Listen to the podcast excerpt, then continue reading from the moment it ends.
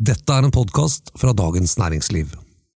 Velkommen til en spesialsending av Den politiske situasjonen, en podkast fra Dagens Næringsliv. Her oppsummerer vi valget i et webinar som ble sendt direkte tirsdag formiddag. Velkommen til DNs webinar om valget.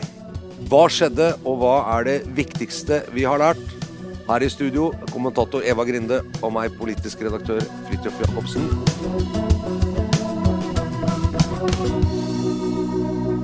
Eva, vi eh, begynner eh, med valgvaken i går. Der var vi på hver vår, og du eh, var hos kveldens store vinner, Høyre.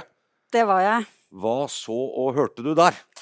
Jeg var jo i Høyres hus i Oslo, og der så jeg eh, en stor mengde veldig glade Høyre-folk. Um, jeg snakket jo litt med, med, forskjellige folk før dette magiske øyeblikket på, på valgkvelder, nemlig liksom når prognosene publiseres klokken 21.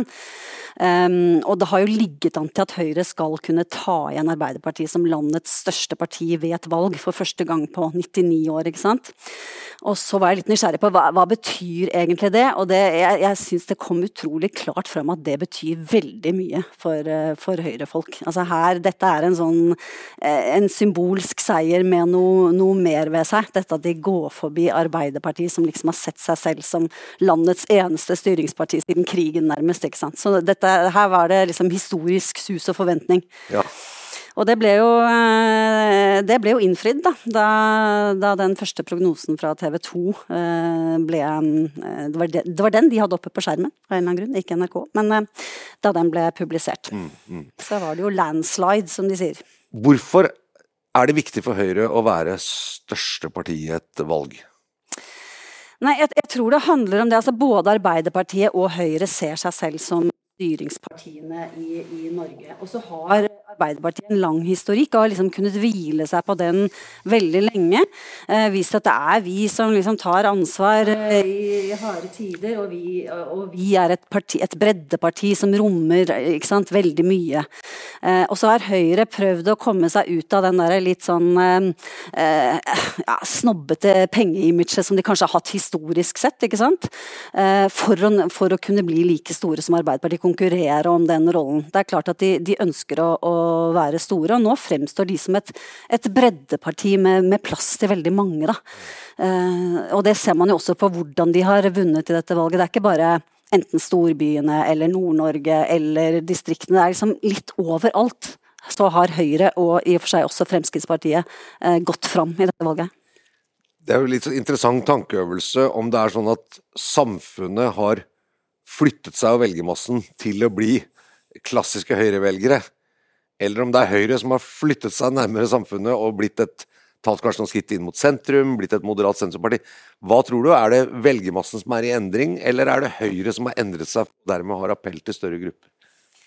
Jeg tror kanskje mer det siste. At uh, du har liksom den rød-grønne siden har blitt mer har blitt smalere. Den sma Arbeiderpartiet f.eks. smalnet seg jo liksom inn ved forrige valg med å appellere til, til mindre brede grupper. Det var jo en, en forutsetning å være lavtlønt eller bo i veldig små distriktskommuner for å være liksom vanlige folk.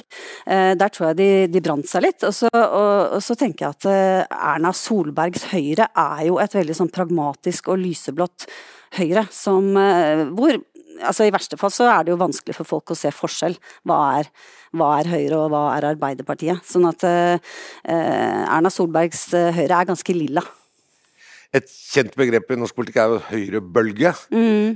Og det er jo ofte det vi begynner å si. Egentlig, er det egentlig et uttrykk for at Arbeiderpartiet har nedtur, eller hva, er det? Men, men, altså at vi ser en sånn opptur for Høyre litt sånn over hele landet.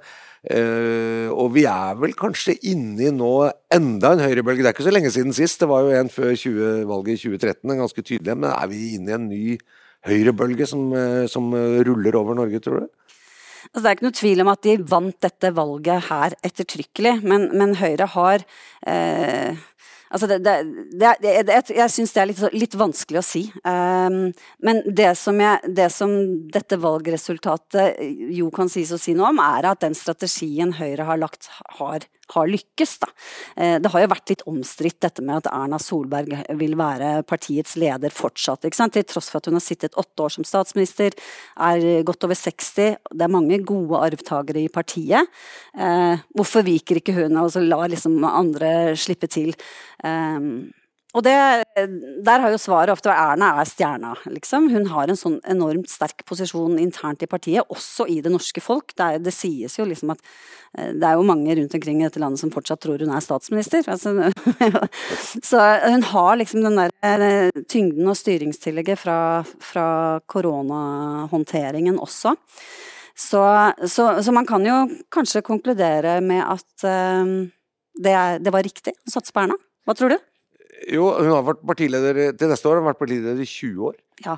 Det er jo veldig lenge. Normalt skal jo det egentlig ikke gå. Selv om Gerhardsen tror jeg satt i 20 år, og Oskar Torp satt i 20 år, og sånn, så er det veldig lenge. Veldig lenge. For å liksom holde seg eh, på en måte å, å, finne opp seg selv og, og utvikle seg. Men, men, bare for å avslutte fra Høyre. Det, hun kom vel på scenen på et eller annet tidspunkt og skulle takke. Hva var det hun eh, sa når hun uh, kom på deg? Hva, hva, var det du opplevde at hun liksom la mest vekt på da, da hun skulle ta seierstalen sin? Nei, hun sa at uh, hun, sa jo, hun sa at det var deilig. At hun ikke hadde noe deilig parameter. Hun kunne, ikke, hadde ikke Hun greide ikke helt å sette ord på hva hun følte, men hun var veldig, veldig glad. Det var det jo ikke noe tvil om. Og så sa hun sånn typisk Erna eh, at eh, ok, nå har vi jobbet hardt, nå skal vi slappe av bitte, bitte lite grann, men eh, nå er vi straks i gang med neste valgkamp.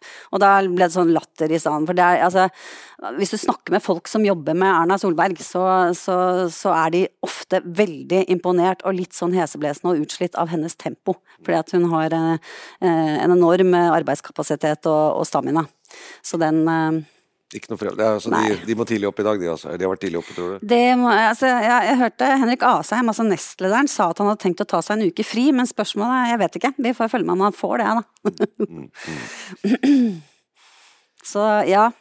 Men eh, Høyre eh, raste jo fram. Den andre siden av den eh, medaljen der, det er jo at vi har et, et styringsparti i regjering som jo nærmest sliter for sitt liv.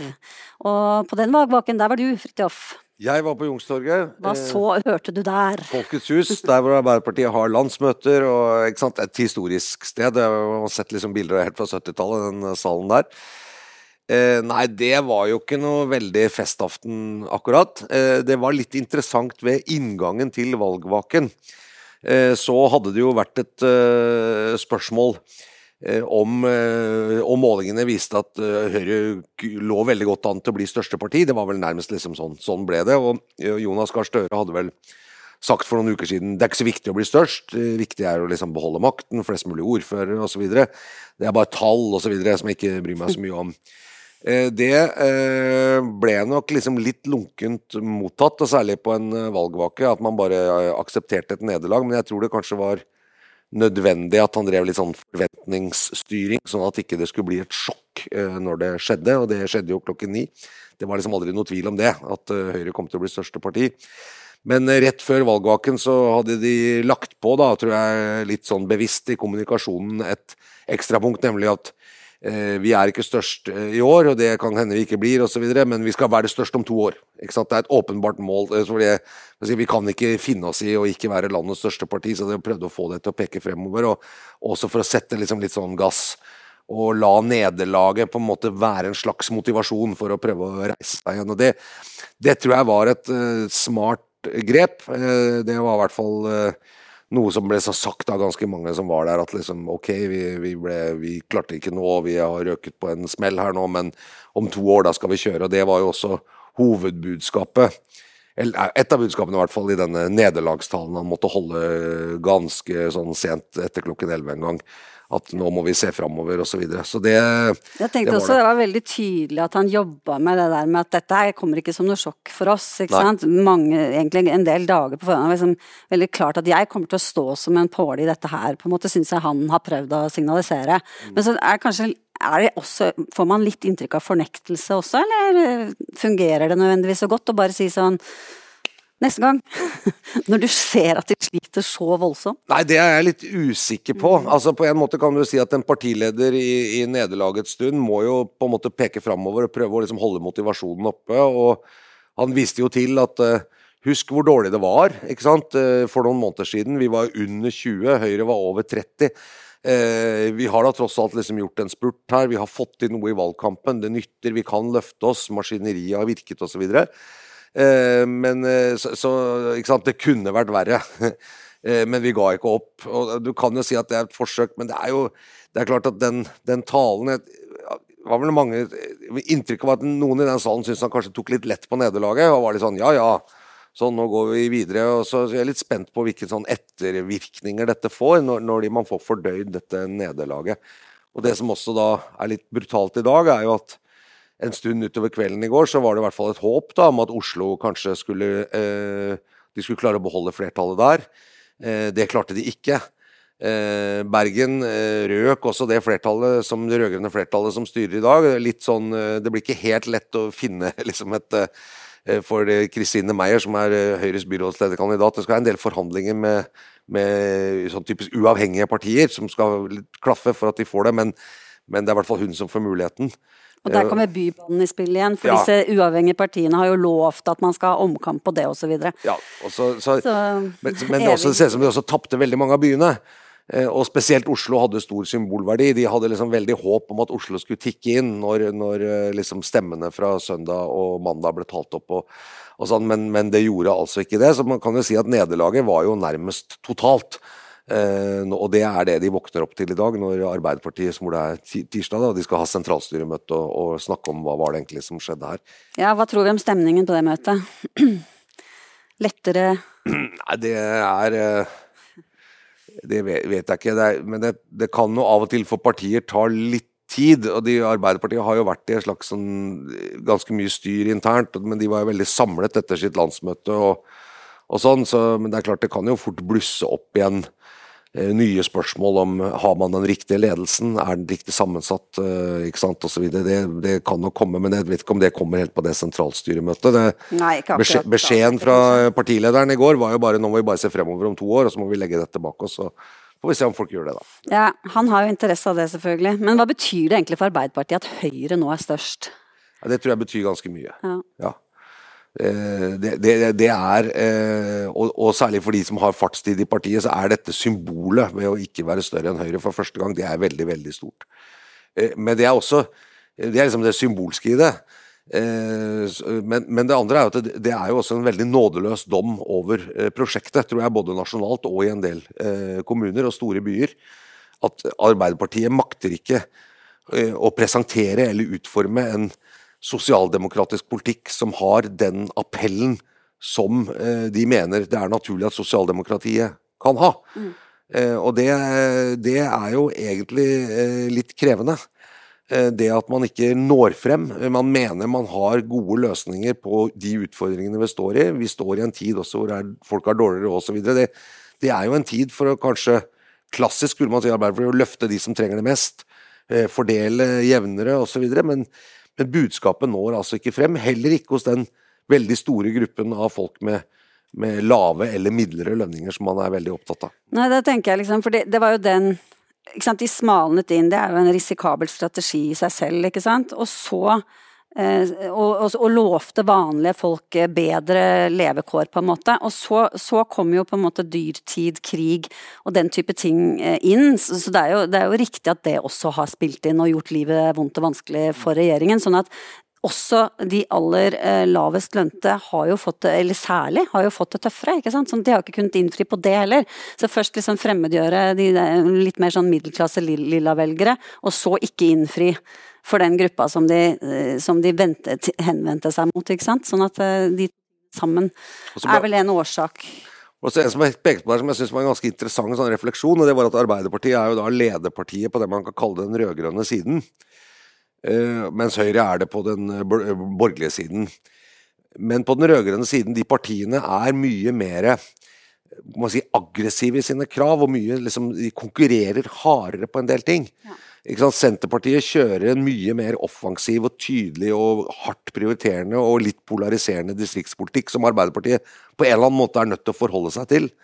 SV kjører knallhardt på fordeling og noen klimating som også på en måte presser Arbeiderpartiet litt til å i hvert fall ta stilling der, lene seg mot det. Så har du Rødt noen steder som også gjør det, og så har du vel også hatt MDG i Oslo osv. som har gjort at Arbeiderpartiet hele tiden må forholde seg til ganske aggressive, krevende, veldig sånn avklarte partier som sier vi skal ha dere dit, vi skal ha dere dit, mens Høyre tradisjonelt, så Venstre og KrF er liksom ikke så langt på en måte eh, til eh, på å si venstre eller mot sentrum for Høyre. Det er, så det er lettere for Erna Solberg å liksom slippe å bli presset til å ta veldig sånn polariserende stillinger i standpunkt, som jeg tror Arbeiderpartiet har altså, De har skremt fra seg en del velgere med retorikken sin, og så har de ikke klart å liksom da mobilisere andre. Kanskje de går til andre partier. Så det det er også en krevende sånn sits inne i det rød-grønne landskapet for Arbeiderpartiet og finne hvordan de skal være der, da. Ja, og de, de, de, den der lilla gruppa, som vi, vi skal kalle det for enkelthets skyld, da, de ligger jo nå liksom ganske åpne for Høyre og har antagelig vandret dit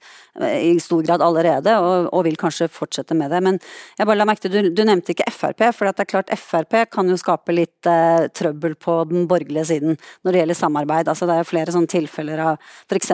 Venstre som sier at eh, Frp kan vi ikke sitte i, i byråd sammen med osv. Så, altså, sånn, så de har jo den, det skismaet der. men eh, men Venstre, Høyre og KrF er nok mer harmonisk. Jo, og det er sånn personlig og i samarbeid så tror jeg det er riktig, men samtidig så tror jeg ikke sånn politisk så er det ikke sånn at Frp på en måte presser Høyre langt over på høyresiden. Eh, Høyre, Nei, som vi snakket om i stad, er jo kanskje blitt et litt sånn moderat sentrumsparti. Ja. Mm. Mens Arbeiderpartiet er det mange som opplever det har liksom blitt presset ut på venstresiden.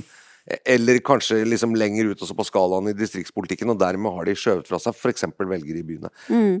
Det kom et spørsmål her fra Julie, eh, som vi kan ta, som, hvor det står 'Åpner dette valget for Trond Giske som ny leder i Arbeiderpartiet'? Eh, nei. Nei, det tror ikke jeg. Nei, det, det, tror jeg ikke. Jeg skjønner, jeg skjønner, hvor spørsmålet kommer fra. Fordi, eh, fordi eh, Trond Giske var jo ute i mange medier veldig raskt i går og sa at dette her har jo jeg sett komme.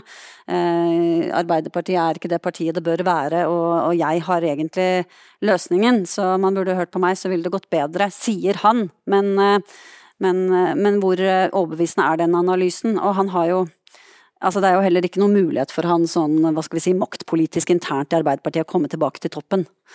Nei, Nå. Det er interessant I Trondheim, som jo har vært en veldig sterk Arbeiderparti- og rød-grønn by, så, så, er det sånn at nå at Høyre har muligheten til å få ordfører, som de har der, da. Eh, hvis de får over Venstre eller KrF på sin side, noe som kanskje ikke er helt utenkelig i en forhandling. Så også Trondheim kan faktisk ryke da, for, som Arbeiderpartistyrt by jeg tror, Trond Giske som partileder tror jeg er usannsynlig, men jeg, jeg ville ikke overrasket om Trond Giske blir et på en måte eh, velformulert talerør for kritikken mot partiledelsen fra, fra det han nå liksom har etablert seg som leder av et stort lokallag på grunnplanet. Eh, og at det kan bli en brysom eh, og godt formulert kritikk mot alt som er gærent med, med dagens partiledelse. Det, det tror jeg nok man, de må være forberedt på. Han begynte jo, som du sa, allerede i går omtrent idet prognosene var tikket inn, eh, med det som nok mange vil oppfatte er en ganske presis analyse av hva som er problemet. Mm. Mm. Skal vi ta et spørsmål til? Ja. Eh, jo, i Oslo, ja. Eh, vil Høyre i Oslo ta med MDG i byråd? Eh, Eirik La Solberg har sagt nei til dette før valget. Ja, det tror jeg eh, kommer veldig an på om de blir helt nødt. Altså jeg tror jeg, det er vel liten sannsynlighet eh, for det. MDG fremstiller seg jo selv som et, eh, et blokk av uavhengig parti, som i og for seg, så lenge de får eh, gjennomslag for grønn politikk, så kan de samarbeide med hvilken side som helst. Men jeg tror at eh, med erfaring fra hvordan det gikk i Bergen, da Kristine Meyer i valgkampen, altså Høyres byrådskandidat Kristine Meyer i, i, valgkampen sa at vi må jo være åpne for å samarbeide med MDG, hvis det, mm. da ble det jo ramaskrik. Sånn at jeg, jeg tror man også i i Oslo er litt redd for å fremmedgjøre en del av Høyres velgere med å si ja til MDG. Men jeg vet at uh, Oslo Høyre er ganske delt i det spørsmålet. Mm. Jeg, jeg, tror også, jeg, jeg, tror sånn som det er nå, så, så, så, trenger vel ikke Høyre det. De har, et, de har altså et Høyre, Venstre, Frp, KrF, KrF. Ja, Det er et flertall.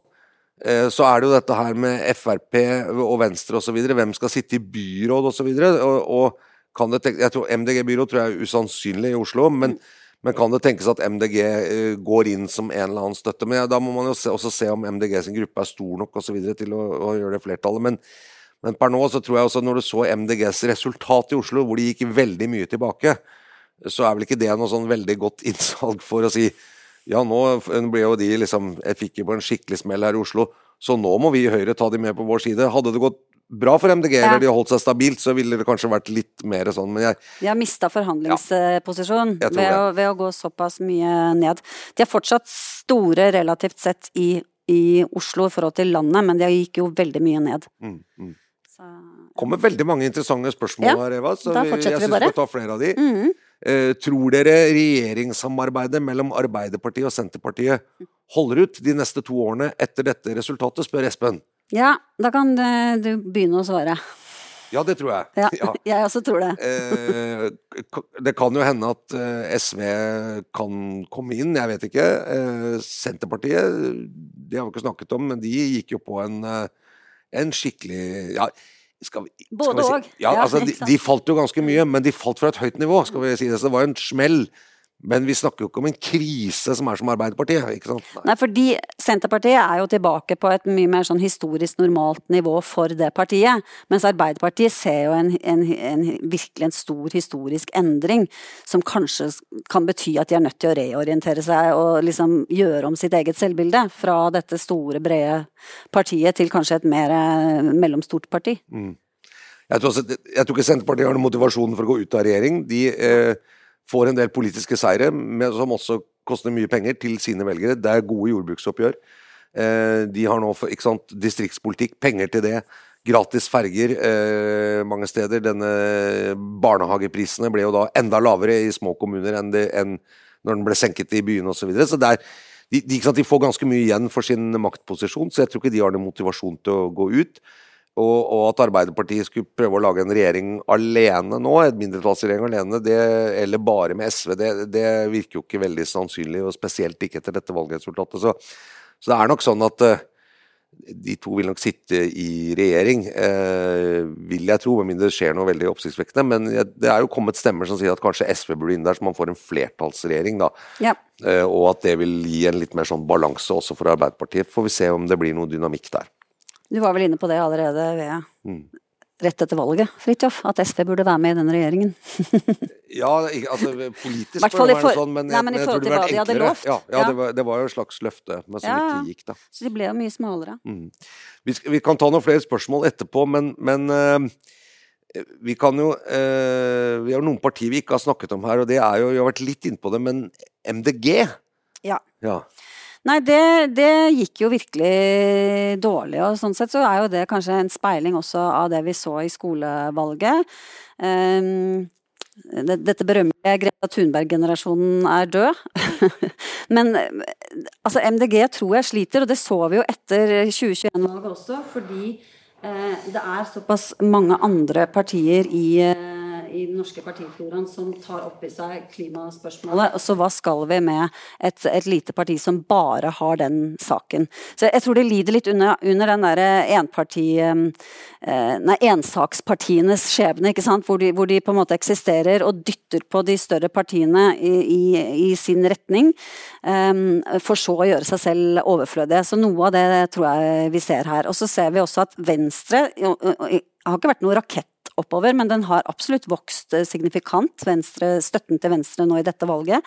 Og, og, og, det kan også være et sånn tegn på at eh, klimaengasjementet flytter seg fra de mer opprørske klimabrølstemmene til, til mer, til mer sånne stue, stuerene partier, da. Mm. Eh, tror jeg. Ja, for det er jo noe her Vi, vi har jo vært gjennom en sommer med eh, flom. Uh, ekstremværet Hans, som på en måte ikke var en vestlandsstorm, som, som, har skjedd noen ganger, og som har ganske store konsekvenser, men som kom altså fra, fra øst uh, over Sverige. Store skader på, på, det, på, på bøft, folketette områder uh, på Østlandet. vi har lest om varmerekorder og helt sånn kvelende hete mange steder i Europa. så liksom klima og vær og alt sånt er jo veldig på dagsordenen. Så, så er, det liksom, er, det, er det at folk er avmatt matte på klimasaken og nå bryr seg bare om lommebok og, og strøm, eller, eller, er det bare at det er MDG som er problemet, som ikke klarer å formulere det? Ikke sant? MDG vil jo si folk bryr seg ikke om klima lenger, men det kan jo hende de gjør det, bare at de ikke bryr seg om, så mye om MDG. Ja, jeg, jeg, tror kanskje det er det, er det siste, men, men, men, du har jo rett i at det er et tankekors. At, altså, vi har jo sett veldig mange konkrete konsekvenser av klimaendringene denne sommeren her. At det kunne ha slått ut i, i, i støtte til MDG. Men de greier altså ikke å være den stemmen som folk føler skal, skal uh, redde, uh, eller gjøre en god jobb for klimaet, åpenbart. Så, og så har vi jo også da dette industri- og næringspartiet som kommet som en kjempekomet, særlig på, på vestlandskysten. Og den, eh, det har jo vokst fram også av, delvis av, gjennom motstand mot MDG.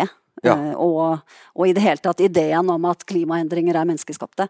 Så, så det, det, det, er også egentlig kanskje dette valgets eh, største overraskelse, at de ble så store som de ble. Mm. Og i så mange kommuner enkelt, det var 19% i enkelte kommuner på Vestlandet. Ja, ikke sant. Og Sunnmøre og sånn. Det, er et parti som altså eh, på en måte eh, har vel uttrykt litt sånn Er det menneskeskapt eller ikke? Men sagt at det, oppfatter vel at det er mye motstand mot klimatiltak, og særlig da denne forestillingen som kanskje ble dannet særlig i 21-valget, at det å være opptatt av klima betyr at man må sette en sluttdato for oljeindustrien, eller på en måte legge ned lønnsomme arbeidsplasser, og, og selvfølgelig arbeidsplasser som nå helt siden 70-tallet har nesten et slags generasjons- og veldig identitetsperspektiv på en næring som har gitt Norge store rikdommer og vært fantastisk, at den liksom de går, skal legges ned. Ja. Jeg tenker at de går liksom over i andre altså En ting er disse midtpartiene som sier ja, vi skal både olje og klima, og det skal gå, begge deler skal mm. gå bra, ikke sant? Mens, mens, INP på en måte hopper et skritt enda eh, lenger ut og sier at eh, dropp klimatiltak i Norge, for det er ikke noe vits i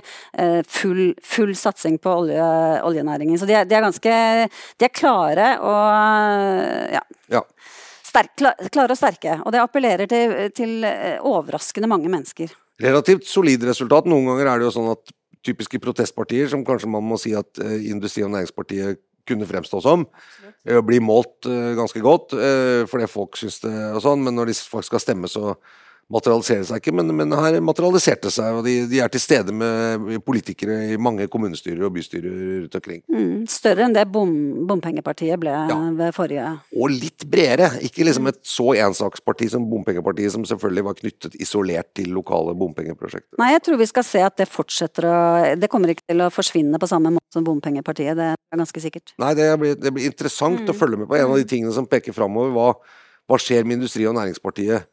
Eh, de neste to årene, er det mulig at de kan f.eks. komme inn på Stortinget med en eller to representanter, eller, eller noe sånt, eh, og, og, kanskje til og med også sitte i en posisjon hvor de kan ha avgjørende innflytelse i et eller annet form for eh, flertall. Det, det, det, er en litt sånn joker. Mm. Og jeg vil tippe at kanskje Høyre og sånn vil være veldig opptatt av å si at ikke sånn, nye partier på den måten, sånn, Det kan være krevende med standpunktet, sånn, men taktisk sett er det veldig lurt å liksom få dem over og si at, at de prøver å definere seg som et borgerlig parti.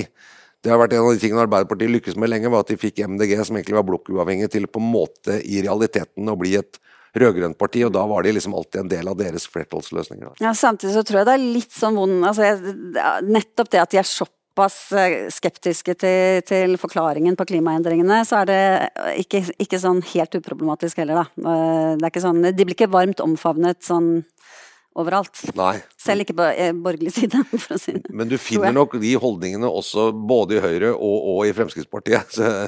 Så, ja. så eh, jeg, jeg, tror det liksom kanskje Jeg bare Ja, nei, jeg hørte Erna uttale seg ganske sånn skeptisk, i hvert fall. Ja. Men, uh, men, men, du, um, Sylvi Listhaug, har hun funnet, funnet, tilbake formen, eller?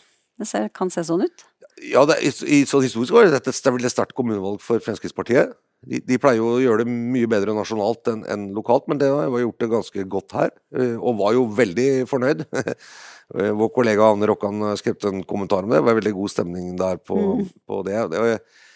Ja, og jeg syns når jeg har sett på Sylvi Listhaug den gangen Mye kjørt rundt i bobil, eh, mye lokal ikke sant, forankring.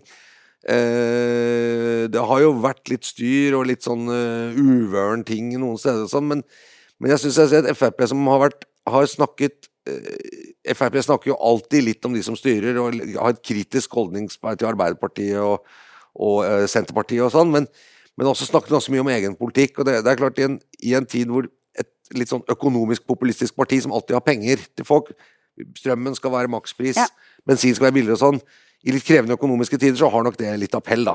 Det, det tror jeg er ganske vanlig. Hvis folk har dårligere råd, så er et parti som sier at du skal få bedre råd det, det, det, det kan jo ha en viss appell. Så er det jo litt interessant også med han eh, FPU-lederen, som jo har liksom gjort det stort på TikTok, og, og, og, virkelig truffet mange unge mennesker via den eh, kanalen. Det har også liksom eh, vært et tema som kom etter, etter skolevalget, blant annet. Da, Ja. da Frp gjorde det veldig bra. Også litt rart at Høyre og, og Frp har liksom fått dominere Erna Solberg, også ganske aktiv på TikTok, har fått dominere på det. Men jeg tenker her politiker, For at du skal stemme på en politiker, så må du jo bli, bli kjent. Du må jo vite hvem det er.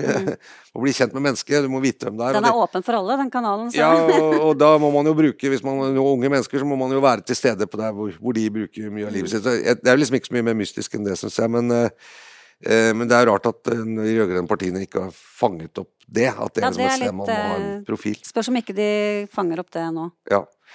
Eh, men også liksom det FPU, da, som Simen Velle er leder for, er sånn ganske sånn frihetsorientert. Så vet jeg har forstått mye skoledebatt om friheten til å drikke øl. Ikke sant? Ja, ja. Er litt rusliberalt.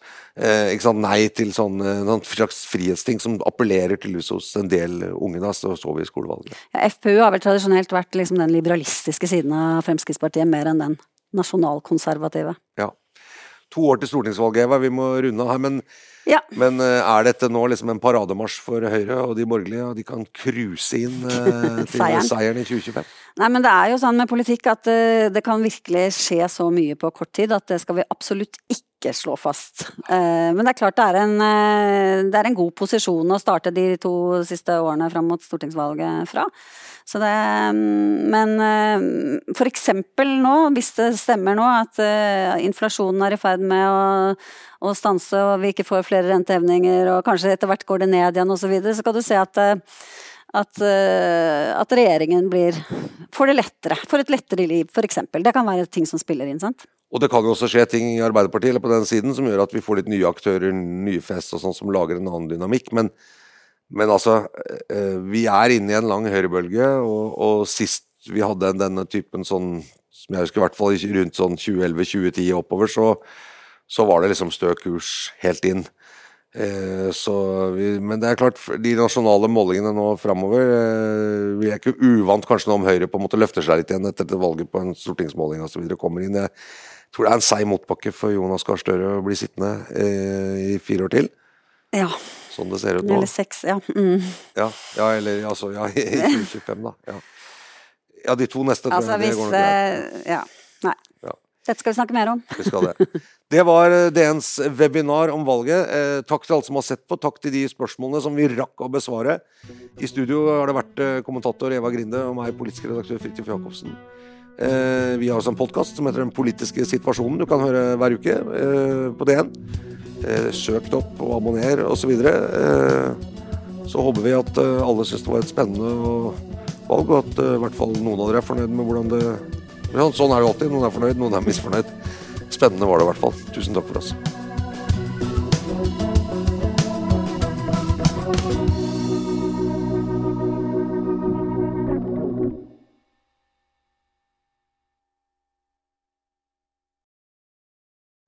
Du har nå hørt en podkast fra Dagens Næringsliv.